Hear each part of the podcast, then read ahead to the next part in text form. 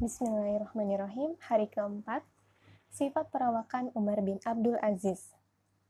Ismail al-Khotabi berkata, Aku membaca sifat perawakannya Umar bin Abdul Aziz dalam beberapa kitab. Kulitnya putih, wajahnya teduh, tampan, tubuhnya kurus, jenggotnya rapi, matanya cekung, di jidatnya ada bekas luka sepakan kuda. Karena itulah ia disebut dengan Asyaju Bani Umayyah atau keturunan Umayyah yang memiliki bekas luka di jidatnya dan rambutnya telah beruban. Sebagian dari sifat-sifat fisik yang disebutkan oleh Ismail al-Khotobi, dia di atas memang merupakan sifat yang muncul pada masa Umar bin Abdul Aziz sudah dewasa, bahkan mendekati usia tua. Contohnya adalah jenggot yang rapi dan rambut yang beruban.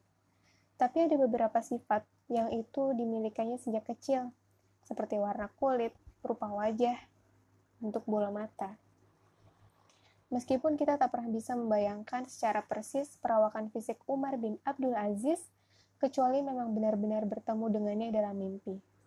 Tapi setidaknya beberapa sifat fisik di atas telah menjadi bahan bagi otak kita untuk mengenal sosok sang khalifah lebih dekat jiwa yang berambisi. Umar bin Abdul Aziz pernah mengatakan, Sesungguhnya aku mempunyai jiwa yang ambisius, yang jiwa itu tidak berada di satu kedudukan, melainkan ia akan berambisi untuk mendapatkan kedudukan yang lebih tinggi dari sebelumnya.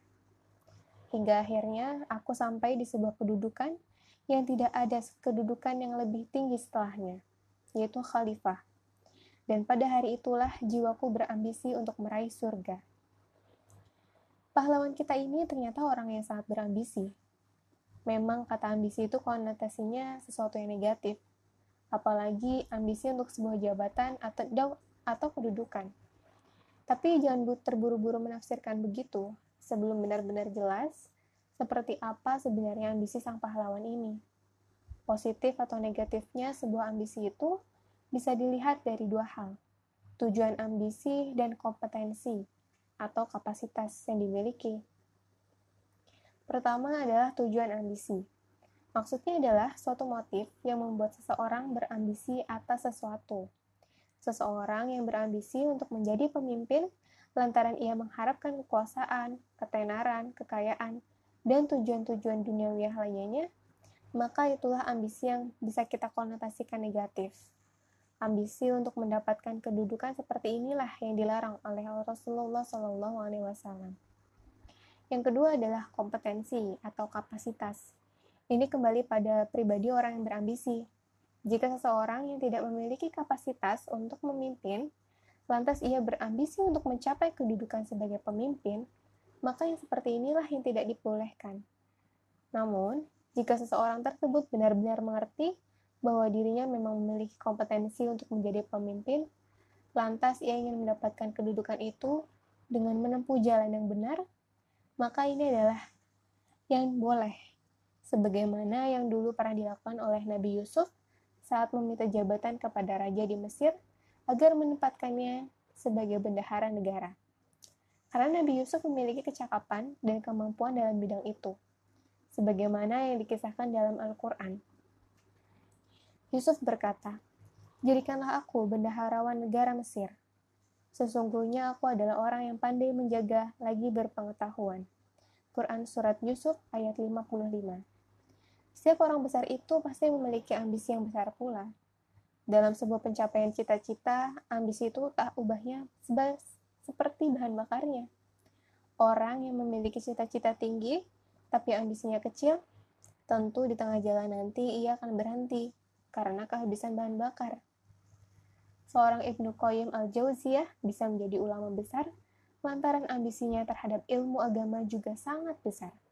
Seorang ilmu, seorang Ibnu Rashid bisa menjadi ulama multidimensi yang menguasai berbagai bidang keilmuan, mulai dari fikih, kedokteran, filsafat, semua itu lantaran memiliki ambisi keilmuan yang juga sangat besar. Demikian halnya dengan Khalifah Umar bin Abdul Aziz. Yang menarik dari perjalanan ambisi Umar bin Abdul Aziz adalah ketika dirinya sudah berada di level tertinggi untuk sebuah jabatan di dunia, yaitu sebagai khalifah, karena tidak ada jabatan dalam pemerintahan yang lebih tinggi dari itu. Maka dirinya memacu ambisinya untuk melangkah lebih jauh memasuki cakrawala iman. Surga adalah ambisi terakhir seorang hamba yang beriman. Dan itu dipilih oleh Umar bin Abdul Aziz. Biasanya, orang yang sudah mencapai tingkatan tertinggi dari kenikmatan dan kedudukan dunia itu akan melakukan salah satu di antara hal-hal berikut. Yang pertama, dia akan mengaku sebagai Tuhan, karena dia merasa tidak ada yang lebih tinggi lagi darinya. Ambisi seperti ini yang dipilih oleh Fir'aun di Mesir pada zaman Nabi Musa dan Namrud di Babylonia pada masa Nabi Ibrahim. Sebagaimana ungkapan Fir'aun yang dikisahkan dalam Al-Quran. Seraya Fir'aun berkata, Akulah Tuhanmu yang paling tinggi. Quran Surat An-Nazi'at ayat 24 atau kisah perdebatan yang terjadi antara Nabi Ibrahim dengan Namrud dalam Al-Quran. Apakah kamu tidak memperhatikan orang yang mendebat Ibrahim tentang Tuhannya? Karena Allah telah memberikan kepada orang itu pemerintahan atau kekuasaan. Ketika Ibrahim mengatakan padanya, Tuhanku ialah yang menghidupkan dan mematikan. Lalu orang itu berkata, aku juga dapat menghidupkan dan mematikan. Lalu Ibrahim berkata, sesungguhnya Allah menerbitkan matahari dari timur, maka terbitkanlah dia dari barat. Maka terdiamlah orang kafir itu, dan Allah tidak memberi petunjuk kepada orang-orang yang zalim. Quran Surat Al-Baqarah ayat 258 Yang kedua adalah bunuh diri. Betapa banyak orang-orang kaya di barat yang harus mengakhiri hidupnya dengan tragis bunuh diri mereka melakukan itu di saat kenikmatan dunia ada di tangan mereka. Kemudian yang ketiga adalah sombong. Tabzir atau berbuat sia-sia dengan menghambur-hamburkan harta. Langkah ketiga ini adalah yang diambil oleh salah seorang manusia terkaya di dunia yang kisahnya diabadikan dalam Al-Quran. Dia adalah Korun. Sesungguhnya Korun itu termasuk kaum Musa. Maka ia berlaku aniaya terhadap mereka dan kami telah mengaduh gerahkan kepadanya perbendaharaan harta yang kunci-kuncinya sungguh berat dipikul oleh sejumlah orang yang kuat-kuat. Ingatlah, ketika kaumnya berkata kepadanya, Janganlah kamu terlalu bangga.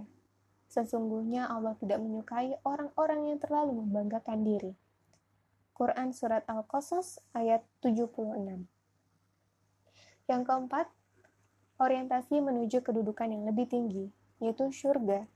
Inilah jalan yang ditempuh oleh Umar bin Abdul Aziz, sebagaimana pengakuannya. Hingga akhirnya aku sampai di sebuah kedudukan yang tidak ada kedudukan yang lebih tinggi setelahnya. Dan pada hari itulah jiwaku berambisi untuk meraih surga. Allah Subhanahu wa Ta'ala menjelaskan balasan yang akan diberikan kepada orang yang memiliki karakter seperti ini.